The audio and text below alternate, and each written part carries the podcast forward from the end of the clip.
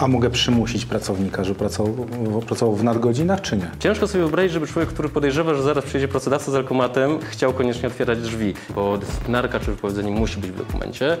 To myślę, że jeżeli go nie przeczytają, odmówią jego e, otrzymania, to nie jest niewiążące. Cześć, witam na kanale Prawo Władni. Dzisiaj naszym gościem jest Andrzej Orzechowski, adwokat, specjalista prawa pracy. Z dzisiejszego odcinka dowiesz się, czy pracodawca może Cię skontrolować alkomatem na pracy zdalnej. Czy może zostać zwolniony na zwolnieniu lekarskim? Czy może zostać zwolniony za papierosa? Jeżeli masz pytania, pisz komentarze, wysyłaj maile, zachęcam do oglądania. Cześć, witam na kanale Prawo Władni. Ja nazywam się Marcin Ostaszewski, Witajcie, Sebastian Mikulewicz. Dzisiaj naszym gościem jest Andrzej Orzechowski, adwokat, Cześć. specjalista prawa pracy i procesów sądowych. Witam Cię Andrzej, dziękuję za przyjęcie zaproszenia. Jesteśmy w naszej rzeczywistości sierpień 2023, zaraz wrzesień, ale myślimy od początku kwietnia, maja 2023 roku potężne zmiany w prawie pracy, praca zdalna, która przewijała się przez wszystkie możliwe konteksty. Andrzej, jesteśmy przedsiębiorcami, wszyscy zatrudniamy pracowników, wiemy jakie są problemy z tym związane. Powiedz najpierw może, co to jest ta praca zdalna, jakie mamy zmiany, co się w ogóle teraz dzieje w, w kwestii prawa pracy w Polsce? W pracy teraz cały czas jesteśmy po zmianach, w trakcie zmian i przed zmianami tak naprawdę. Pra, praca zdalna to jest coś, co w czasie pandemii cały czas się przewijało. Jak się pandemia praktycznie skończyła, to wtedy pojawiła się w kodeksie pracy i zaczęło się bardzo dużo dookoła tego dziać. Kilka miesięcy temu wszyscy musieli praktycznie pracować zdalnie w tym momencie i wszyscy zaczęli mieć z tym pewne problemy. Oczywiście, wiele problemów to też rozwiązało, ale pojawiły się nowe z, z tego powodu, z którymi my też musieliśmy sobie wtedy radzić. E, To powiedz proszę, może tak od razu z, zaczniemy z mocnej rury. Czy można pić alkohol w pracy? To wszyscy powiedzą, że nie, ale co się stanie, e, jeżeli ja zbadam pracownika alkomatem? Jak, jak to wygląda od strony alkoholu i alkoholu na pracy zdalnej też w, w, w, w pracodawcy? Czy to będzie praca zdalna, czy praca na miejscu, tak naprawdę nie ma różnicy. Nie wolno. Rzeczywiście nie wolno. Natomiast e, są oczywiście różne sytuacje. Kontrola trzeźwości to też jest kolejna zmiana, która się pojawiła. Wcześniej pracodawca nie mógł nigdy badać alkomatem, tak naprawdę. I teraz może. Teraz może w ograniczony sposób oczywiście, ale teraz może. E, Co się dzieje, kiedy pracownik wypije? No, jeżeli pracodawca jest wcześniej przygotowany, ma odpowiednie dokumenty, odpowiednie procedury, to może wziąć teraz alkomat i powiedzieć: Słuchaj, musisz poddać się badaniu. No i pracownik oczywiście ma wybór, czy to będzie robił, czy nie. I zależnie od tego, jak będzie postępował, my też mamy y, możliwość różnego rodzaju działań. Przykładowo, jeżeli powie nie, nie będę się poddawał, no to teoretycznie już więcej pracodawca nie może zrobić, no bo nie zmusi go w żaden sposób siłowo. To y, ma natomiast dwie opcje. Albo dzwonić po policję i policja wtedy jak przyjedzie, to już może badać krew, alkomat, te standardowe powiedzmy sposoby, bo pracodawca może używać tylko alkomatu. I e, znowu, może być sytuacja, że my na przykład nie chcemy wzywać policji. Jest jeszcze jedna ścieżka, czyli stwierdzenie, że ktoś jest pod wpływem alkoholu albo podobnych sy- substancji, bo to też dotyczy niektórych, ogólnie rzecz biorąc powiedzmy narkotyków, one są wymienione z nazwy, kiedy jest możliwość, aby stwierdzić, że pracownik jest pod wpływem na podstawie uzasadnionego podejrzenia. Przykładowo, bełkotliwa mowa, Myślę, że każdy mniej więcej zdaje sobie sprawę z tego, jak wygląda człowiek pod wpływem alkoholu, pewnie różnie z innymi substancjami, ale to też jest inna opcja. To znaczy nie zawsze trzeba mieć urządzenie, którym zbadamy pracownika, ale czasami wystarczy właśnie stwierdzić na podstawie, jak on się zachowuje i wtedy go nie dopuścić do pracy. Cały problem oczywiście jest później, no bo jak to później udowodnić, prawda? Jeżeli nie mamy wyniku pomiaru tego, co miał w krwi, tego, co miał przede wszystkim w wydychanym powietrzu, to tego są świadkowie, ewentualne nagrania, e, wszystko, co nam pomoże wykazać, że rzeczywiście było po prostu widać. Tak trochę po ludzku, że ktoś był pod wpływem alkoholu. Ale mamy takie pytanie od widza i to, co się często przejawia, prze, przejawia i widzimy w internecie. Czy można pić alkohol na pracy zdalnej? Albo inaczej, jak skontrolować kogoś, że pił alkohol na pracy zdalnej? Można skontrolować, ale bardzo trudno. Bo tak, z jednej strony ministerstwo mówi, nie można, ponieważ kontrola trzeźwości to jest wtedy, kiedy są takie prace, które zagrażają, może coś zagrażać życiu, zdrowiu, ale jednocześnie też jest kwestia ochrony mienia. A ludzie w domu, przed komputerach też na przykład mogą coś popsuć. Co więcej, też mogą sobie zrobić krzywdę, bo też są wypadki już pracy. Ktoś się potknie, ktoś się obleje wrzątkiem, to wszystko też jest istotne, a pod wpływem alkoholu, no nie ma się oszukiwać, to się może zdarzyć częściej. Więc możliwość mamy. Problem tak naprawdę polega na tym, że żeby go skontrolować, musielibyśmy pojechać do niego do domu. I znowu, na pracy zdalnej my możemy kontrolować pracownika, czy on bezpiecznie, higienicznie pracuje, Tylko jest jedna istotna kwestia, on nas musi wpuścić do domu. I wcześniej musimy się z nim umówić, tak naprawdę, żeby on nas do tego domu wpuścił. Ciężko sobie wyobrazić, żeby człowiek, który podejrzewa, że zaraz przyjedzie pracodawca z alkomatem, chciał koniecznie otwierać drzwi. I tutaj będzie trochę taki mniej może prawny, a bardziej faktyczny problem, co wtedy zrobić. Czyli innymi słowy, można, tylko to jest po prostu trudne. A dobrze, a powiedz, bo tak mówimy, że praca zdalna. Czy ona została jakoś zdefiniowana i czy to miejsce pracy zdalnej jest jakoś zdefiniowane? Czy ten pracownik na pracy zdalnej może być dzisiaj na Bali i twierdzić, że w hotelu pracuje w godzinach pracy na Bali w, ramach pracy zdalnej? Czy musi być w swoim miejscu zamieszkania określonym przedstawionym pracodawcy? Wymóg tak naprawdę jest jeden. To ma być miejsce, na które pracodawca się zgodzi. Prawda? Czyli to tutaj nie ma narzucania, ale musi być zgoda pracodawcy. Jeżeli dla pracodawcy to jest ok, że pracownik jest na Bali i się na to zgodzi, ok. Pomijam teraz kwestie ZUS-owskie, podatkowe, ubezpieczeniowe i tym podobne, ale jeżeli chodzi o samo tak czysto pracowniczo, to jest podstawowa kwestia. Czy pracodawca zgadza się na to, żebyś ty pracowniku pracował, czy w swoim miejscu zamieszkania, czy w kawiarni, czy w pociągu, czy gdzie ci się podoba, pracodawca musi się na to po prostu zgodzić. Czyli należy, należy stwierdzić, że jeżeli ktoś korzysta z pracy zdalnej, to powinien poinformować pracodawcę i uzyskać od niego zgodę na miejsce świadczenia tej pracy. Tak, jeszcze zanim zacznie pracować tak naprawdę. A jak to jest właśnie z pracą zdalną? Czy to jest tak, że pracodawca zawsze musi się zgodzić na tą pracę zdalną? Ja wiem, że są jakieś tam chyba wyjątki a propos kobiety w ciąży i tak dalej. Jakbyś powiedział, jak to wygląda tak praktycznie? Zgodzić się na pracę zdalną musi prawie, inaczej, na miejsce, gdzie jest wykonywanie na pracę zdalna, musi się zawsze zgodzić pracodawca. W tym sensie musi się zgodzić, że to on mówi możesz, nie możesz. Natomiast co do samego tego, czy ktoś pracuje w ogóle zdalnie, to już jest inaczej. Jest grupa pracowników, którzy mają specjalne prawa. Kobiety w ciąży, y, osoby, które się y, zajmują dziećmi, które są do czwartego roku życia, dziećmi niepełnosprawnymi, gdzie pracodawca powinien się zgodzić.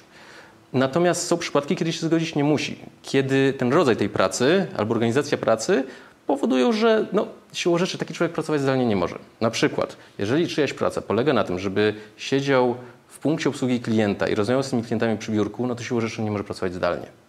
Tego rodzaju praca, jeżeli on ma jeździć powiedzmy w terenie i pracować, no to nie może pracować zdalnie, przynajmniej nie w takim zakresie.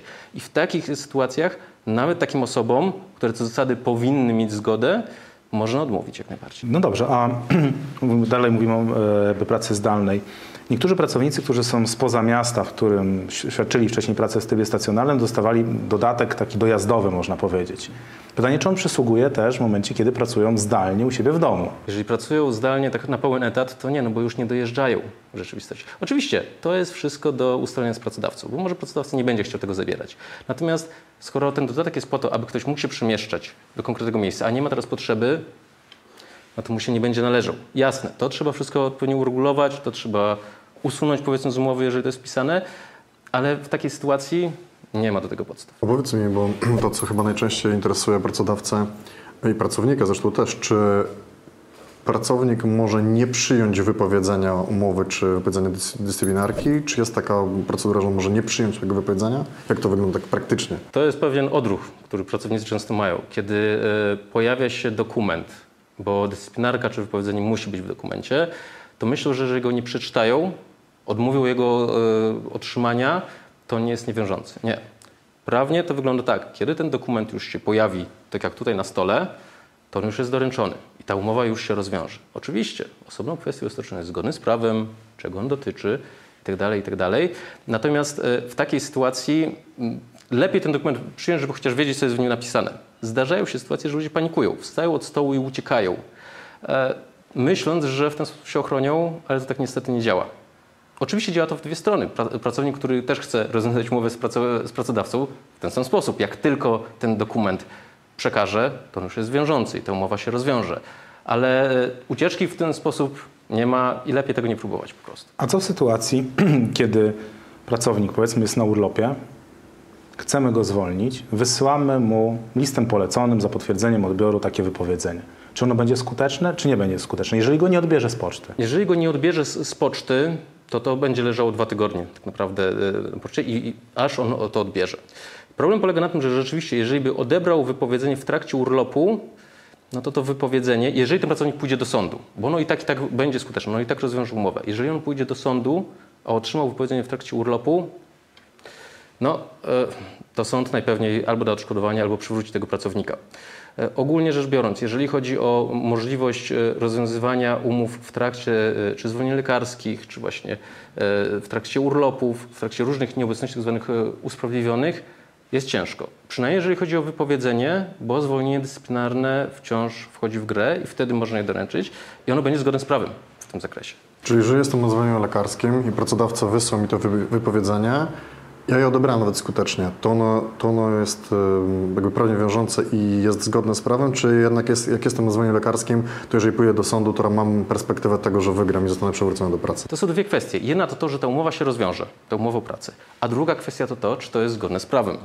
I e, ona się i tak rozwiąże, ale jeżeli się pójdzie do sądu i się zdecyduje, żeby iść do sądu, to wtedy sąd ma tą moc, żeby rzeczywiście spowodować, że to wypowiedzenie, no tak mocno upraszczając, będzie nieważne, mocno upraszczając.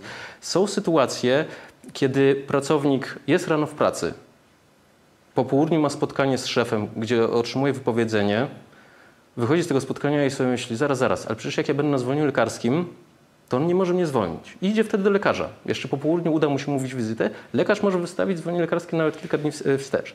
No i co się wtedy dzieje? Formalnie jest chroniony przed wypowiedzeniem.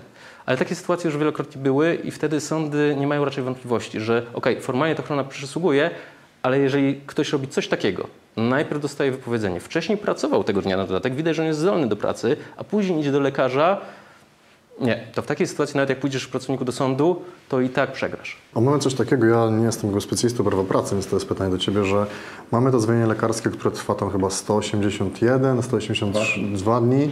E, czy po tym okresie pracodawca po prostu już może zwolnić pracownika? Jak to wygląda, jeżeli wykorzystamy ten taki najdłuższy urlop chorobowy, z tego co pamiętam? Jeżeli pracownik nie wrócił jeszcze do pracy, to jest też możliwość i nie otrzymał tak zwanego świadczenia rehabilitacyjnego. To jest możliwość, żeby rozwiązać z nim umowę w takim trybie bez wypowiedzenia, czyli natychmiastowym. I to jest specjalna instytucja. Faktycznie, jak się ten maksymalny okres zwolnienia lekarskiego, za który należy się zasiłek, wykorzysta, to ta ochrona realnie znika po prostu. Więc tak, wtedy można y, rozwiązać umowę. No dobrze, ale jeżeli rozwiążemy, to takiemu pracownikowi należy się odprawa, należy się okres wypowiedzenia, czy już ona automatycznie z tym dniem się kończy ta umowa?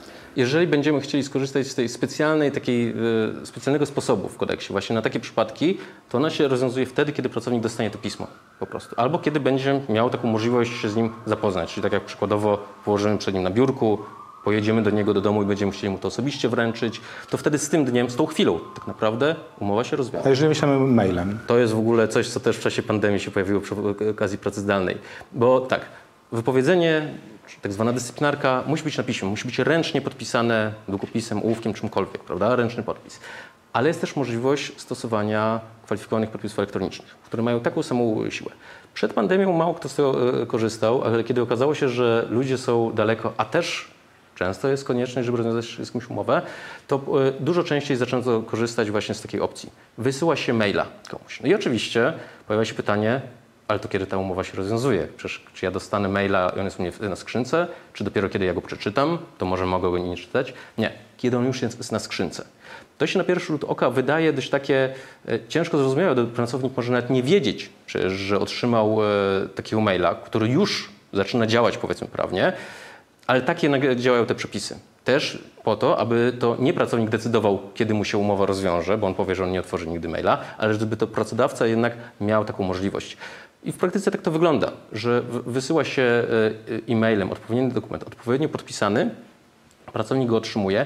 Czasami taką dobrą praktyką, niewymaganą przepisami jest to oczywiście, żeby pracownika poinformować, czy zrobić z nim spotkanie jednocześnie na Teamsach, na Zoomie, zadzwonić do niego, wysłać mu chociażby SMS-a, żeby chociażby sprawdził tą skrzynkę. E, jak pracownik ma już tego maila na skrzynce, to już prawnie umowa albo się rozwiąże, bo już jest, e, zaczyna się okres wypowiedzenia, albo jeżeli to jest rozwiązanie bez okresu wypowiedzenia, to już w tej chwili umowa się kończy. A jest też coś takiego jak likwidacja stanowiska pracy. Jakbyś jeszcze powiedział dwa zdania o tym, bo to też się często przewija. To, to jest w ogóle słowo, które zrobiło, słowa, które zrobiły własną karierę, bo to jest tak, albo można kogoś zwolnić z przyczyn go dotyczących, źle pracował, nie wykonał planu, albo można z przyczyn tak zwanych niedotyczących, które są po stronie firmy. Reorganizujemy wszystko, likwidujemy oddział i tak dalej, i tak dalej. I w tej drugiej grupie właśnie jest likwidacja stanowiska pracy. Czyli ktoś pracuje, czymś się zajmuje i nagle ta funkcja, którą on się zajmuje w dużej mierze znika. Te jego zadania są na przykład rozdzielane między innych. Albo przykładowo są outsourcowane, bo firma decyduje, że teraz to, czym się zajmowałeś pracowniku, będzie gdzieś indziej. I to się łączy z pewnymi też e, benefitami dla pracownika, bo w takim wypadku, kiedy to jest właśnie ta przyczyna niedotycząca, na przykład to likwidacja stanowiska, jest przede wszystkim odprawa. Coś, czego nie ma przy tych takich powiedzmy typowych zwolnieniach, kiedy, które dotyczą, przyczyna dotyczy samego pracownika. Ta odprawa to jest od 1 do 3 miesięcznych wynagrodzeń, takich średnich, mniej więcej, mniej więcej licząc tak, e, miesięcznych wynagrodzeń z pewnymi oczywiście ograniczeniami. 1 do 3, bo to zależy od tego, jak długo pracownik pracował w danym miejscu. Jedna uwaga, to działa w firmach, które mają przynajmniej 20 pracowników. Dopiero wtedy będzie odprawa, bo wtedy są takie specjalne zasady.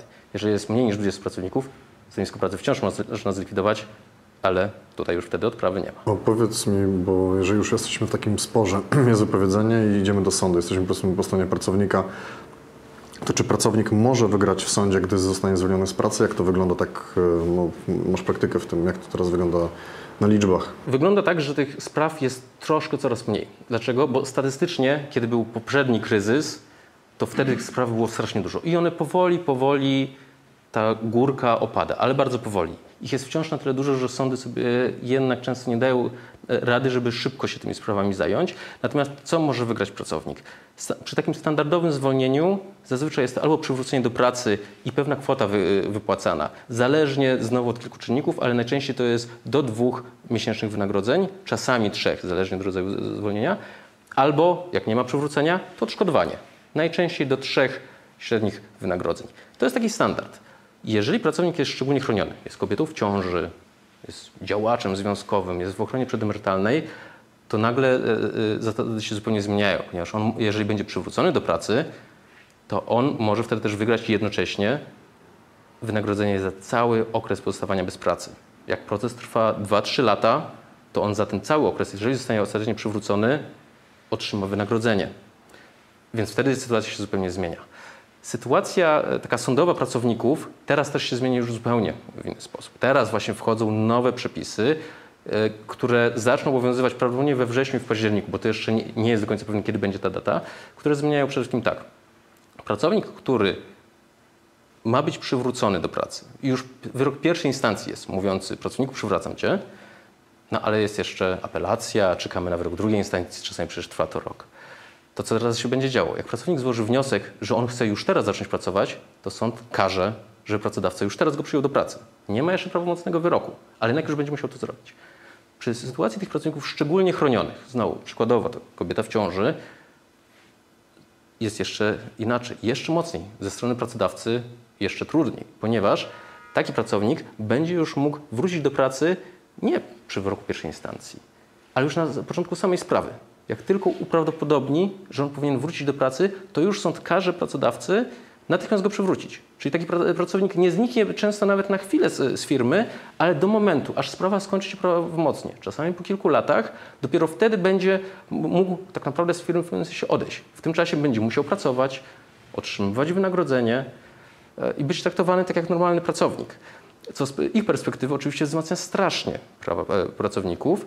Dla pracodawców no, będą musieli sobie z tym radzić po prostu, bo tutaj już nic więcej nie zrobił. Będą mogli się częściowo bronić oczywiście przed tym nakazem sądu, ale to będzie na pewno trudne. A jest jeszcze jedna zmiana, która może tak wyraźnie nie daje aż takiej siły pracownikom, ale już wszyscy prognozują, że bardzo dużo zmieni. Jak się idzie do sądu i chce się jakieś pieniędzy, to trzeba sądowi zapłacić opłatę, żeby sąd w ogóle się z tą sprawą zajął, prawda? No, oczywiście chyba że będziemy pracownikiem. Teraz zmiana będzie taka, że realnie będą zwolnieni z opłat, przynajmniej w pierwszej instancji. Dotychczas, kiedy pracownik, pracownicy dotychczas byli częściowo zwolnieni do kwoty 50 tysięcy e, tej wartości przedmiotu sporu. Przykładowo, jeżeli chcieli 100 tysięcy złotych od pracodawcy, to musieli zapłacić na samym początku procesu 5% tej kwoty. Teraz już tego nie będzie. W związku z czym szczególnie w takich sprawach, gdzie ciężko jest wyliczyć na przykład konkretną szkodę, mobbingowych, dotyczących dyskryminacji, nierównego traktowania, dużo łatwiej pracownikom będzie robić po prostu pozwy na miliony złotych. Nie będą ponosili z tego tytułu żadnych konsekwencji w tym sensie, że nie będą musieli tego opłacić. Jasne, to powinno być wszystko uzasadnione, e, to będą musieli to udowodnić, ale dużo łatwiej im będzie wychodzić z bardzo dużymi roszczeniami, co znowu dla pracodawców na pewno będzie dużym, dużym utrudnieniem. No to chyba rewolucja na rynku pracy, nowe zarządzanie pracy to... Tak, i to tylnymi drzwiami w- wprowadzające, bo ona nie mówi pracowniku, ty możesz dostać więcej, prawda, żeby to byłoby takie jasne. Ale realnie na pewno sytuacja w sądzie, bo to jest dopiero kiedy pracownik pójdzie do sądu, będzie dużo, dużo e, łatwiejsza dla pracownika po prostu. No dobrze, a powiedz, czy pracownik może pracować w dwóch miejscach, na dwóch etatach naraz? Teraz już może. Jeszcze niedawno e, często było tak, że e, pracodawcy tego zabraniali i było sporne, czy mogą, czy nie. Jedni mówili, że można, inni, że nie. Jedni mówili, że no przecież jak ktoś chce się do czegoś zobowiązać, to może. Podpisuje w umowie i tak jest. Inni mówili, że nie można. Ale co do zasady dało się. Teraz jest wyraźny zakaz, zabrania, e, zakaz, który powoduje, że pracodawca nie może zabronić pracownikowi pracować w innych miejscach. Więc y, to też jest kolejna olbrzymia zmiana, która pojawiała się w, y, w ostatnich miesiącach. Są pewne wyjątki, bo wciąż możemy mu zabronić pracować w konkurencji. To się wiąże przy czym z odpowiednią umową, z odpowiednimi zasadami.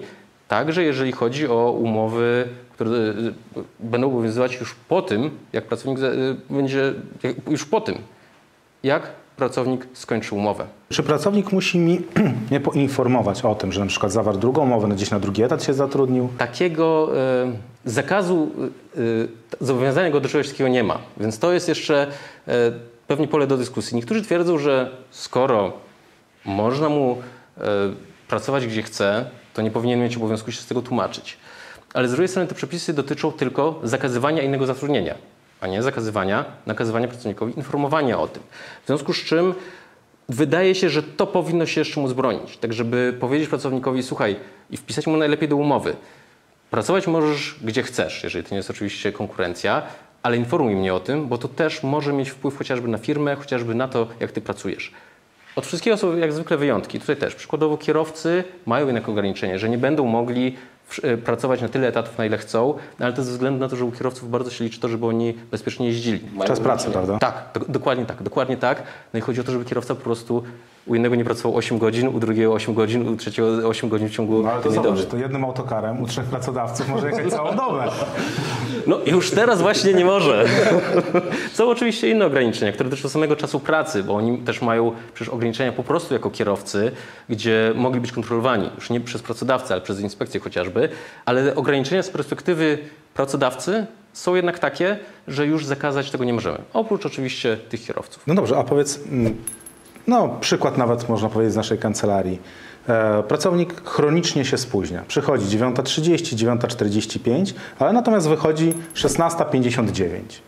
Czy jeżeli ja mu każę te pół godziny albo 15 minut odrobić po godzinie 17, to są nadgodziny czy nie? Wtedy nie. Jak on się spóźnia, to się zakłada, że on wcześniej y, korzystał z danego czasu prywatnego. Pomijając, że nie wolno mu się spóźniać, prawda? I pomijając inne rozwiązania, także to, że możemy się z takim pracownikiem pożegnać. Ale tutaj to nadgodziny nie będą. Trzeba z nim ustalić po prostu, że on ma to kiedyś odpracować. Nadgodziny są wtedy, co do zasady, kiedy pracodawca każe, bo jest jakaś szczególna potrzeba, bo mamy dodatkowy projekt, który nagle się okazało, że trzeba robić. Nadgodziny to nie jest coś, co powinniśmy planować z wyprzedzeniem, prawda? Bo, bo wtedy to jest taki normalny czas pracy. Nadgodziny to jest jednak coś nagłego. I e, nadgodziny to jest jednak coś, co oczywiście pojawia się jako największy problem dla pracowników, bo niektórzy chcą pracować w nadgodzinach, bo dzięki temu mogą na przykład dostać dodatkowe pieniądze, a niektórzy się przy tym całkowicie bronią. I pojawiają się problemy, jak tym w takim razie zarządzić. Co do zasady, kiedy ktoś już pracuje w nadgodzinach, to może dostać albo czas wolny w zamian, tak żeby odzyskać ten przepracowany czas. Też w niektórych wypadkach z taką, że powiem, górką, bo że może mieć więcej wolnego czasu nawet niż przepracował w niektórych wypadkach.